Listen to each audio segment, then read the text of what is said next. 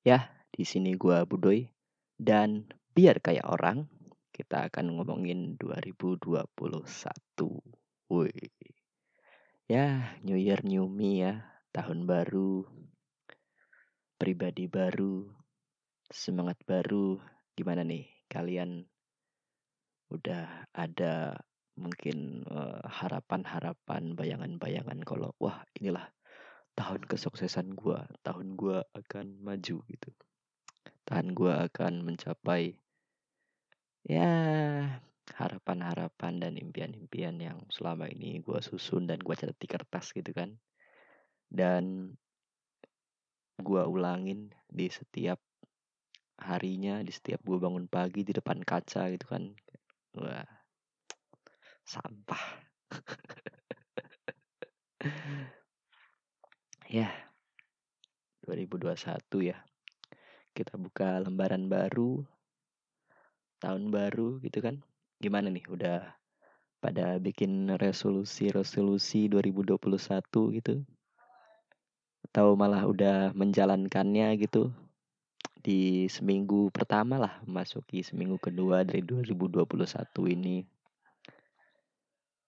Gimana apakah masih ada yang ngejokes-jokes wah resolusinya 1080 kali 1080 wah anjir. Sampah sampah sampah. Masih aja ada yang ngejokes gitu mending gak usah ditemenin ya. Lu cari teman-teman itu yang referensi jokesnya juga sama gitu. Yang gak bikin malu gitu ya. Kalau misalkan dibawa ke tongkrongan kelontarin jokes-jokesnya udah jokes-jokes lawas gitu jokes bapak-bapak jokes bapak-bapak udah udah tinggalin ya tinggalin nah di lembaran baru tahun-tahun baru kita juga pasti meninggalkan penyesalan-penyesalan di 2020 ya. Di tahun belakang gitu kan. Resolusi-resolusi impian yang tidak dapat terlaksana ya karena corona mungkin salah satunya ya. Corona ini masih ini gak sih? Masih relevan gak sih ngomongin corona? Wah, kayaknya udah pada bosen ya. Gue juga gak pernah bahas sih di podcast ini. Karena ya, ya apa ya? Ngomongin corona, ah, muak main orang-orang udah. Udahlah stop ngomongin corona kita. Tetap hidup seperti tidak ada corona. Gitu. Kalau kata Pak Pres mah, kita belajar hidup berdampingan eh Pak Pres apa Pak Ganjar ya? Lupa. Belajar hidup berdampingan dengan corona. Iya. Ya susah lah pokoknya. Skip aja ya tema itu. Tema corona itu skip. Kayak nggak kalian nggak bakal dengerin tema itu dari podcast ini. Ngomongin tentang penyesalan nih. Penyesalan itu identik dengan kegagalan ya. Kegagalan mencapai apa yang kita pengen gitu kan. Ya mungkin di tahun kemarin kita banyak mengalami kegagalan ya. Gagal nikah mungkin karena ketahuan kalau misalkan calonnya itu ternyata tidak sebaik yang kita kira.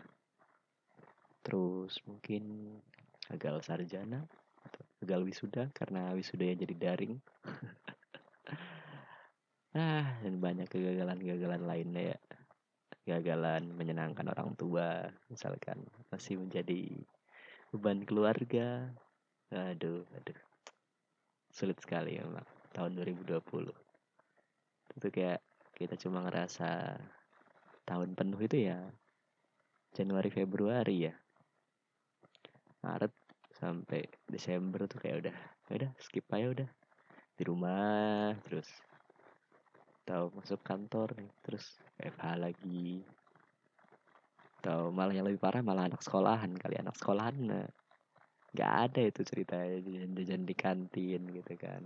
Terus mungkin apa ya e, ngajakin gebetan ke kantin gitu. Modus-modus gitu ngasihin makanan mungkin. Ah nggak tahu ya gue sekolah gue udah lama sebenarnya sekolah sekolah dalam artian sekolah dasar ya. SM, SD SMP SMA ya kalau kuliah mah udah kayak apa ya bebas lah dan lebih majemuk ya ketemunya. Jadi ya lebih ini juga cara pendekatan PDKT-nya PDKT PDKT-nya lebih advance lah. Nah, ngomongin flashback ya. Penyesalan kegagalan. Itu yang menurut gue ya itu semua orang pasti punya penyesalan sih. Bahkan yang dipandang orang paling sukses sekalipun gitu. Orang-orang yang dipandang secara dari luar tuh wah tidak tercela. Wah gila dia sukses banget nih punya banyak prestasi. Tapi gue yakin sih yakin banget. Kalau misalkan sebenarnya dia juga dia itu juga nggak luput gitu dari yang namanya penyesalan ya kalau dibilang-bilang kenapa gue bisa ngomong kayak gitu Cause I'm one of them. ya, gue ngomong kayak gini kayak jadi self proclaim gitu kan. Ya mungkin lo pada yang kenal gue lama gitu kan di SD, SMP, SMA gitu kan tahu ya ya mungkin gue dicap sebagai anak yang berprestasi gitu kan ya dari akademik ataupun non akademik gitu kan. Dari ekstrakurikuler gitu lomba-lomba ke luar sekolah gitu. Ya yeah, man but dia da, dibalik semua itu asik. Dibalik semua piala-piala dan medali dan nilai-nilai besar yang gue torehkan asik. Dan gue beri pada sekolahan dan orang tua gue tetap ada yang namanya penyesalan iya penyesalannya ya banyak hal sih. Padahal kan kayak wah udah ya lu kayak nggak bersyukur kayak lu udah di uh, terpilih lah menjadi anak yang pintar anak yang berprestasi tapi kok lu masih bacot aja masih wah ini gue masih menyesal gue masih menyesal gue juga punya lo kegagalan gitu. Padahal ya kayaknya fine fine aja gitu kan. Hidupnya enggak men sebenarnya ya apa ya ketika ini yang gue rasain ya selama SD sampai SMA gitu. Ya SD gue selalu dikenal dengan ranking satu gitu kan. Ketika lu gue kelulusan SD pun itu gue dapet uh, dua piala atau satu piala satu piala doang deh satu piala doang dalam kategori umum. Dan itu gue dapet peringkat pertama atau ketiga gitu tiga kayaknya jadi kayak dari satu angkatan itu yang paling bersaing nih nilainya gitu kan.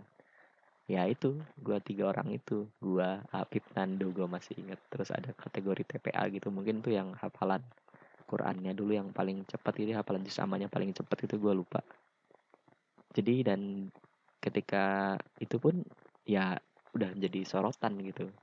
Inilah tiga orang lulusan terbaik gitu kan di angkatan anjay sekarang kayaknya gue juga kurang tahu sih kabar mereka berdua. Kayaknya sih udah pada sukses-sukses banget ya lebih kelebihan suksesnya gue yang gue tahu sih Nando doang kayaknya udah jadi dokter mungkin.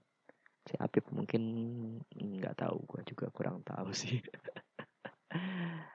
Ah, ya jadi masa-masa itu SD terus gue dipandang sebagai anak yang pintar selalu masuk ke dalam kelas excellent asik kelas-kelas yang mendiskriminasi untuk tidak bisa dimasuki oleh anak-anak bodoh ya. Isinya anak-anak yang bersaing, bersaing, bersaing, anak-anak pintar. Tapi apa ya? Di SMP pun gue kayak gitu. SMP malah lebih lebih lebih advance lagi gitu. Di SMP saya SMP SMA gue kan di pondok ya 6 tahun gitu. Di SMP itu gue padahal oh gini gini oke gue jelasin konteksnya. Jadi dulu setiap akhir semester itu ada yang dinamakan dengan penganugerahan bintang kelas asik. Nah penganugerahan bintang kelas. Nah di situ jadi setiap angkatan nanti um, dari nilai ujiannya yang paling besar tuh.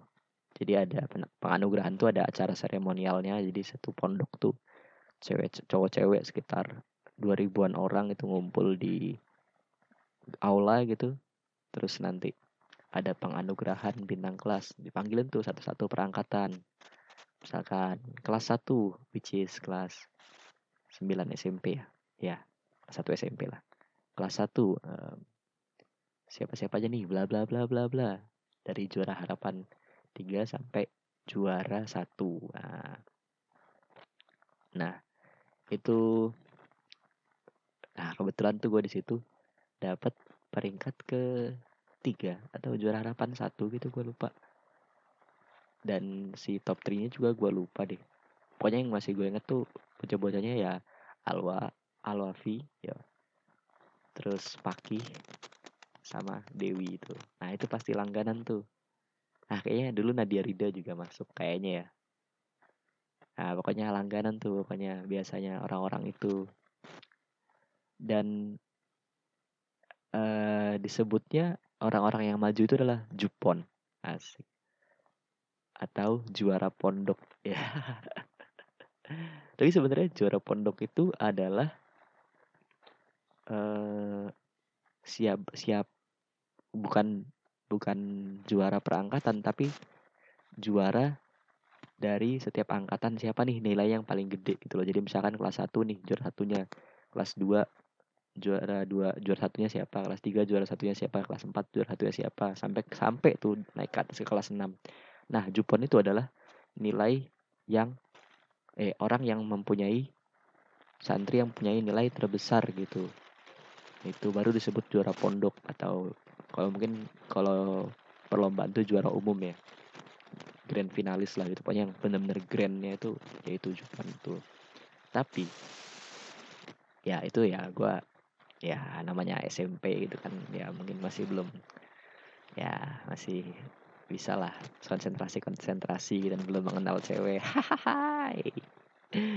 ya gitu terus ya pokoknya gue satu SMP dua SMP tiga SMP itu ya maju terus lah.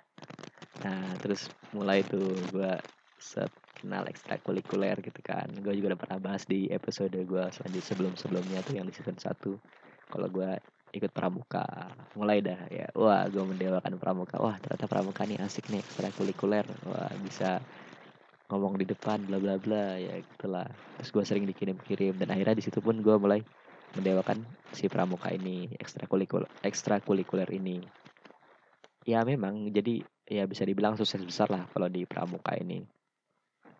Dan sebagai hasilnya ya mau gak mau dong gue nggak bisa uh, gue waktu itu nggak bisa ngambil dua-duanya gitu kan. Nah, gue nggak bisa menyeimbangkan antara ekstrakurikuler dan si sekolahnya ini sekolah benernya ini. Jadi ya akhirnya ya terlotang lantung dan gue nggak pernah dipanggil maju lagi untuk penganugerahan bintang kelas itu. Ya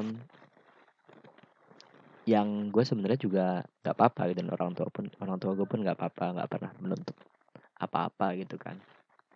Tapi ya tetap aja sampai di titik ini pun sampai ketika gue udah lulus kuliah dan udah bekerja kayak apa ya image Jupon dan bahkan ketika gue dulu pas gue masih SMA dan gue gak pernah maju loh pas SMA itu. Gak pernah maju penganugerahan bintang kelas. Itu apa ya sebutan Jupon tuh ah, masih melekat gitu. Jadi gimana gitu ya?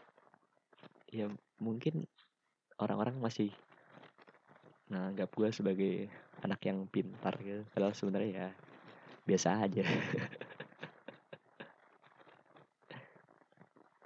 tapi um, pengenalan gue dengan apa ya dunia pramuka itu menjadikan gue sebagai pribadi yang sangat kompetitif ya. Mati dan hidup di kompetisi ya. Sangat-sangat ya sangat-sangat kompetitif sangat-sangat ambisius. Jadi gue ngelis target gue dalam secari kertas. Dan inilah target gue dalam jangka waktu harian, mingguan, bulanan, tahunan. Yaitu akibat itu juga. Akibat didikan yang sangat kompetitif ya di dalam apa perlombaan pramuka itu juga. Sampai-sampai kayak ya sebenarnya kita teman seangkatan nih tapi kayak kalau udah beda pasukan tuh kayak ada rasa-rasa sengit-sengit gimana gitu. Itu saking saking kompetitifnya itu. Sampai ceng-cengan sampai ya gitulah jelek-jelekan. Dan kayak nggak bisa akur aja gitu kalau sama yang beda pasukan karena saking kompetitifnya itu ya. Ya bisa dibilang kayak misalkan dulu timnas Inggris tuh. Timnas Inggris kan padahal isinya bintang semua ya tapi karena saking kompetitif kompetitifnya dan saking gontok-gontokannya tuh di Liga Inggrisnya gitu. Dulu antara sesama pemain ya padahal dia sama-sama berkebangsaan Inggris itu kan. Misalkan dari Chelsea ada John Terry dan dari MU ada Rio Ferdinand gitu kan. Padahal mereka uh, ditandemkan gitu dalam satu timnas Inggris. Tapi ya karena kompetisi liganya itu sangat sangat kompetitif jadi ya di timnasnya tidak bisa akur dan timnas Inggris pada zaman keemasannya pun nggak bisa dapat apa-apa gitu ya ya begitulah gue menjadi pribadi yang ambis, kompetitif. Gue menulis semua target-target gue. Dan ya beruntungnya gue, luckily itu ya semua target-target yang gue list tuh ya tercapai.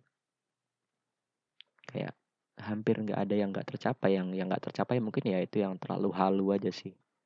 Tapi kayak ritme hidup gue itu ya berpatokan dari ya itu target-target itu jadi kalau misalkan itu wah tidak tidak ber tidak gatuk nih tidak apa ya tidak cocok lah tidak se, sejalur nih dengan apa yang gue targetin ya gue tinggal gitu termasuk salah satunya adalah pertemanan ya ya itu sih. Jadi ketika SD SMA ya fokus gue ya prestasi prestasi di luar maupun di dalam sekolah dan ya itu. Ketika lu memilih prestasi ya lu harus mengorbankan society. Ya lu jadi kayak gak punya teman. Ya teman-teman kelas lu yang mungkin kalau gua dulu masuknya kelas excellent terus ya Ibnu Batutoh woi Ibnu Batutoh Building itu adalah sebutan gedung sekolahan ya. Kalau dulu di pondok gua yang paling elit lah. Ada tirainya, ada proyektornya, ada AC-nya. Keramiknya paling putih sendiri, paling mengkilap. Tempatnya khusus gitu. Di depannya ada sungai yang mengalir, bukan sungai sih, kayak kali gitu. Wah, kayak keren deh. Beda sama gedung-gedung yang lainnya yang lantainya masih masih berdebu masih semen masih cupu lah pokoknya.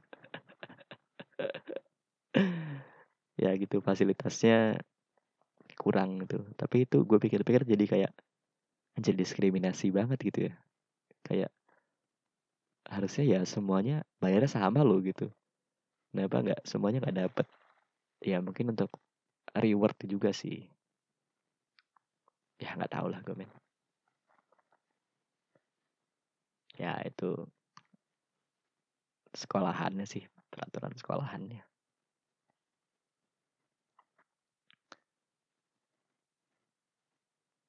Masalah prestasi dan society tadi.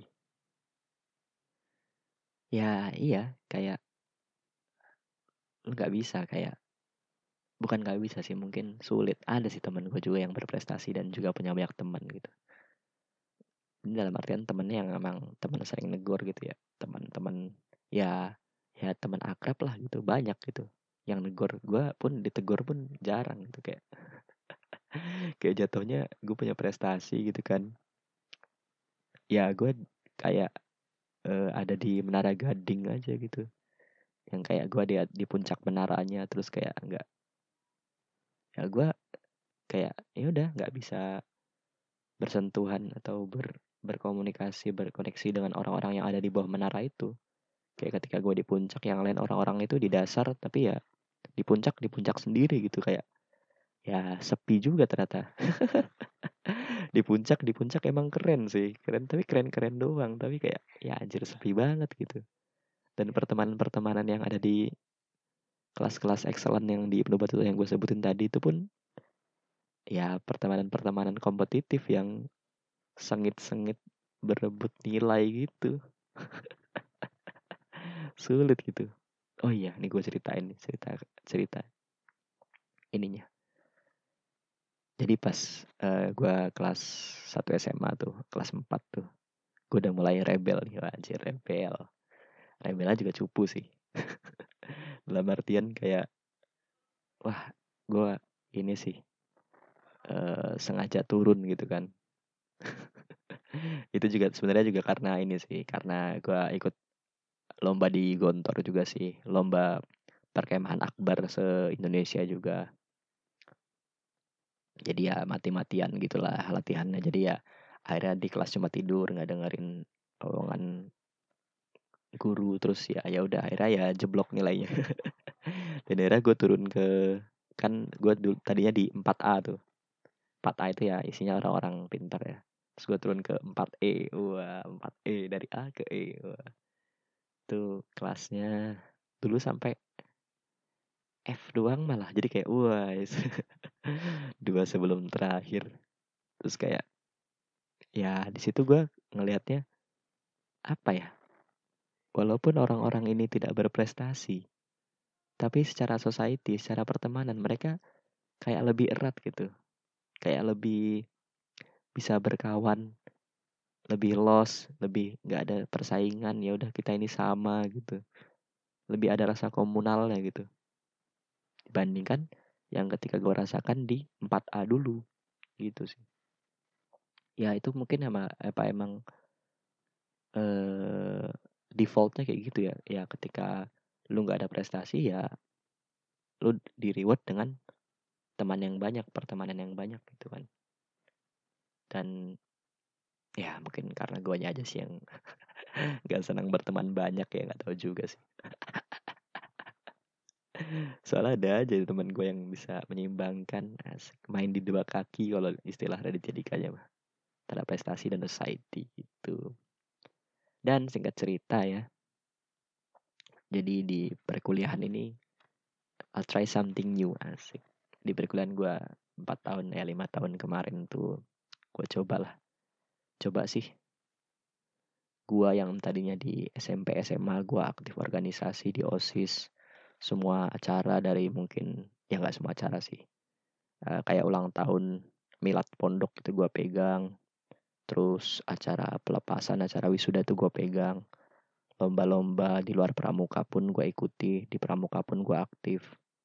Di sekolah pun di itu gue masih bisa lah dapat nilai yang lumayan ya walaupun gue nggak menembus excellent lagi kelas excellent lagi kelas A lagi tapi gue di kelas B yang which is lumayan lah. Secara nilai secara anak-anaknya itu lumayan otak ya ya gue coba nih pasti kuliahan. Coba. Gimana kalau misalkan gua memposisikan menjadi anak yang tidak berprestasi? Gua tidak ikut organisasi gua tidak berprestasi di dalam kelas gua tidak ya ikut apa UKM gitu ekstrakurikuler ya kalau misalkan di SMA kalau di kuliahan kan UKM gitu. Gue tidak ikut UKM pokoknya gue sebagai kupu-kupu aja ya kuliah pulang kuliah pulang ya cuma kuliah juga sekenanya uh, tidak terlalu rajin tidak terlalu aktif juga tidak terlalu dikenal dosen pula gitu kan. Ya tapi emang jadi mencoba rebel lah coba santai get loose gitu kan tapi ya emang mungkin karena dasarnya selama berapa tahun tuh? 12 tahun ya? Ya dari SD sampai SMA gue adalah anak yang baik-baik ya anak yang ya patuh pada orang tua dan taat sama guru gitu kan. Ya tetap rebelnya gue juga tidak serebel itu mungkin. Maksudnya gue cuma pengen nguji teori. Bener nggak sih kalau misalkan ketika gue nggak ada prestasi uh, adalah gue bisa menukarnya itu dengan society. Atau gue mempunyai teman yang lebih banyak dibanding ketika gue dulu sekolah dasar ya SD sampai SMA gitu. Dan ya gue jalani tuh kuliah lima tahun harusnya empat tahun ya itu ya juga salah satu buktinya. Gue kuliah tidak selancar itu ya. Tidak berprestasi tidak ikut UKM apa-apa tidak pernah dikirim-kirim untuk perlombaan. Ya dan gue wisuda ya tidak tepat waktu. Dan gue bisa bilang kalau misalkan ya itu bener. Ketika um, lu menghabiskan gini gini gini. Jadi ya setiap orang punya sumber daya waktu yang terbatas ya. Ketika gue dulu di sekolah dasar gue mengabdikan waktu gue dengan prestasi. Tapi pas di kuliah sekarang atau kuliah yang kemarin itu ya gue lebih santai aja tidak terlalu mikirin prestasi. Ya gue berteman nongkrong jalan-jalan gitu kan. Ya lebih bersosialisasi aja. Lebih mencoba uh, gimana sih caranya punya banyak koneksi punya banyak teman gitu ya. Ya walaupun ujung-ujungnya gue juga nggak terlalu punya banyak teman. Tapi gue menemukan teman-teman yang serak ya sefrekuensi dan teman-teman ini gue anggap ya dekat lah akrab. Dan nggak tahu ya mereka nganggap gue gimana. Tapi yang gue tahu adalah gue nggak pas gue wisuda itu adalah momen-momen ketika gue anggap itu terbayar. Society itu uh, ada datang untuk gue teman-teman itu datang untuk gue ketika gue sudah gue tidak terlalu gembur-gemburkan ke teman-teman gue yang gue yang deket ini. Tapi ya akhirnya mereka datang gitu. Dari jauh-jauh tempat gitu. Dari tempat-tempat yang jauh. Ada yang teman gue dari Bandung. Ada yang dari Jakarta. Ada yang dari Jawa Timur. Dan saat itu gue ngerasanya kayak wah ini ternyata salah satu hasil dari lima tahun gue gitu ya walaupun tidak sebanyak itu tapi kayak ya gue senang gitu kayak gue ternyata nggak sendirian gitu. Ya ketika apa yang gue rasain ketika gue dulu lulus wisuda SMA gitu kayak lulus lulus ya memang dulu berprestasi tapi kayak ya udah sepi aja sepi. Ketika wisuda kuliah tuh kayak ternyata orang-orang ini pada datang pada ngasih selamat ke gue jujur sih kayak di momen itu apa ya kayak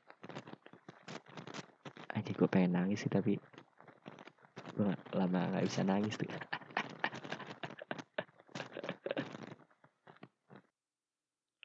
Tapi satu kata untuk temen gue ini, Lukman, bangsat gak datang wisuda gue. Aduh, Lukman, Lukman. Mencari Lukman memang sulit ya. Sudah dua tahun ini Lukman menghilang. Ya, mari kita doakan yang terbaik untuk Lukman. Kita luangkan lima detik kita untuk berdoa pada Lukman. Berdoa dimulai. Ya, berdoa selesai. Oke. Okay. Dari situ gue bisa sedikit berkesimpulan ya. Kalau ternyata emang hidup ini itu ya bisa dibilang take and give ya. Hidup ini adalah serangkaian pemilihan opsi. Dan apa yang lu korbankan, apa yang mau lu korbankan untuk mencapai opsi itu. Ya nggak jauh-jauh lah kalau misalkan kita mau lihat contohnya mungkin di film Naruto ya, di mana Itachi harus rela, bukan cuma Itachi sih, klan Uchiha. Klan Uchiha harus rela membunuh orang terdekatnya untuk mengaktifkan sebuah segel terkutuk ya sebuah tapi sangat kuat yaitu Mangekyo Sharingan dan kalau misalkan di kartun itu ada lagi. Uh, Marvel Marvel apa DC ya? Uh, si apa tuh namanya? Yang kepalanya api itu. Um, Rotres. Uh, Devil. Ah itu loh yang bawa rantai. Uh, Devil. Devil Driver. Ya bentar gue google dulu Anjir lupa apa ya Devil Driver. Maksud gue ini Ghost Rider Ghost Rider. Iya itu Ghost Rider kan dia um, rela menjual nyawanya gitu ke Mephisto kan ke setan gitu. Biar dia bisa hidup kembali dan membuat pembalasan gitu dengan bernamakan Ghost Rider anjay. Ya itu jadi ya hidup ini penuh dengan take and give dan opsi-opsi yang lu pilih gitu. Lu memberi apa untuk mencapai apa gitu ya. Orang caleg aja harus ngasih serangan fajar buat kepilih lo ah, iyalah semakin besar yang ingin lu capai harusnya semakin banyak juga pengorbanannya. Lu kira orang sukses itu nggak banyak yang udah dikorbanin? Banyak men yang udah dikorbanin men. Lu nya aja nggak ngeliat taunya cuma cerita sukses doang cerita udah enaknya doang. Ya kan ngomong-ngomongin sukses nih. Ya kalau gue mah nggak muluk-muluk ya gue dari dulu dan gue masuk ke jurusan gue yang sekarang nih yang gue udah lulus ini pun ya pengen menjadi entrepreneur aja sih. Kayak ya mungkin bahasa keren entrepreneur ya yang bisa berdiri di atas kaki sendiri. Asik. Ya mungkin ujung-ujungnya jadi pengusaha sih. Nggak tahu pengusaha apa. Kita masih melihat ya gue masih meraba-raba ke depannya dan ya di pilihan hidup jadi pengusaha pun kayaknya butuh yang dinamakan pengorbanan gitu. Kayak gue pernah lihat salah satu pengusaha besar gitu cuma gue lupa siapa namanya ya. Pokoknya tapi dia uh, pengusaha luar gitu sih. Dia pernah ngebagiin di twitternya twitter pribadinya tentang kunci sukses menjadi entrepreneur asik yang pertama eh enggak. Dia ngeba nge, uh, ngasih opsi. Ngasih opsi tentang um, tuh dua tiga empat lima eh tuh dua tiga empat lima. Oh ya lima. Lima pilihan yang bisa dipilih. Asik. Jadi A B C D E. Yang bisa dipilih dari pilihan hidup seorang entrepreneur gitu kan dan kita cuma bisa memilih tiga asik seru nih pilihan pertama itu adalah um, berteman. Nah, society itu kaitannya. Jadi uh, tetap berteman dengan teman-teman, tetap bisa ngumpul, tetap bisa nongkrong gitu kan, tetap terhubung dengan teman-teman lama. Yang kedua adalah membuat sebuah perusahaan yang hebat, buat sebuah perusahaan besar yang berhasil, yang terpandang itu kan secara citranya. Itu pilihan yang kedua. Pilihan C-nya atau pilihan ketiga adalah menghabiskan waktu bersama keluarga. Nah, itu jadi bisa ngumpul bareng keluarga gitu kan. Ikut jalan-jalan bareng atau ikut kumpul-kumpul ketika ada acara-acara arisan atau acara apa pun. Tetap bisa terkoneksi dengan keluarga. Dan yang D yang keempat adalah uh, staying fit, yaitu tetap sehat. Nah, tetap secara ini tetap sehat secara tubuh tidak sering terjangkit penyakit ya uh, kena apa angin duduk atau atau kena panas dalam atau kena sariawan itu ya pokoknya tidak sering terkena sakit yang kelima yang E itu adalah bisa tidur dengan rutin dan nyenyak. Getting sleep. Teratur. Ya jadi di antara kelima pilihan itu kita juga untuk menjadi sebuah entrepreneur eh sebuah lagi kan. Seorang entrepreneur yang sukses kita cuma boleh memilih tiga. Ya jadi pemilihannya um, kalau lu bisa tetap nongkrong nongkrong nih terus bisa tetap sehat dan juga bisa menghabiskan waktu bersama keluarga ya lu say goodbye aja sama pola tidur lu dan say goodbye untuk mimpi lu menghasilkan perusahaan yang besar gitu, yang hebat gitu. Lu ketika goalsnya menjadi pengusaha apa sih? Ya jelas mempunyai perusahaan yang besar dan terpandang dong. Oke, gue akan milih pilihan yang B. Oh, berarti lu harus mengorbankan pilihan yang lainnya dan lu hanya bisa milih dua nih karena lu udah memilih satu tinggal lu pilih teman keluarga sehat atau tidur teratur kalau gue sih ah apa ya? Ya itu deh rahasia yang pasti gue akan tetap milih uh, menghasilkan atau membuat perusahaan yang besar dan terpandang. Ya udah ya ya cukup sekian bacotan gue yang tidak berfaedah ini. Semoga lu bisa ngambil sesuatu dari pengalaman hidup gue dan ya segitu aja lah oke sampai berjumpa lagi di pembahasan hal-hal yang terkini dan sering dibahas oleh orang-orang di biar kayak orang. Oke.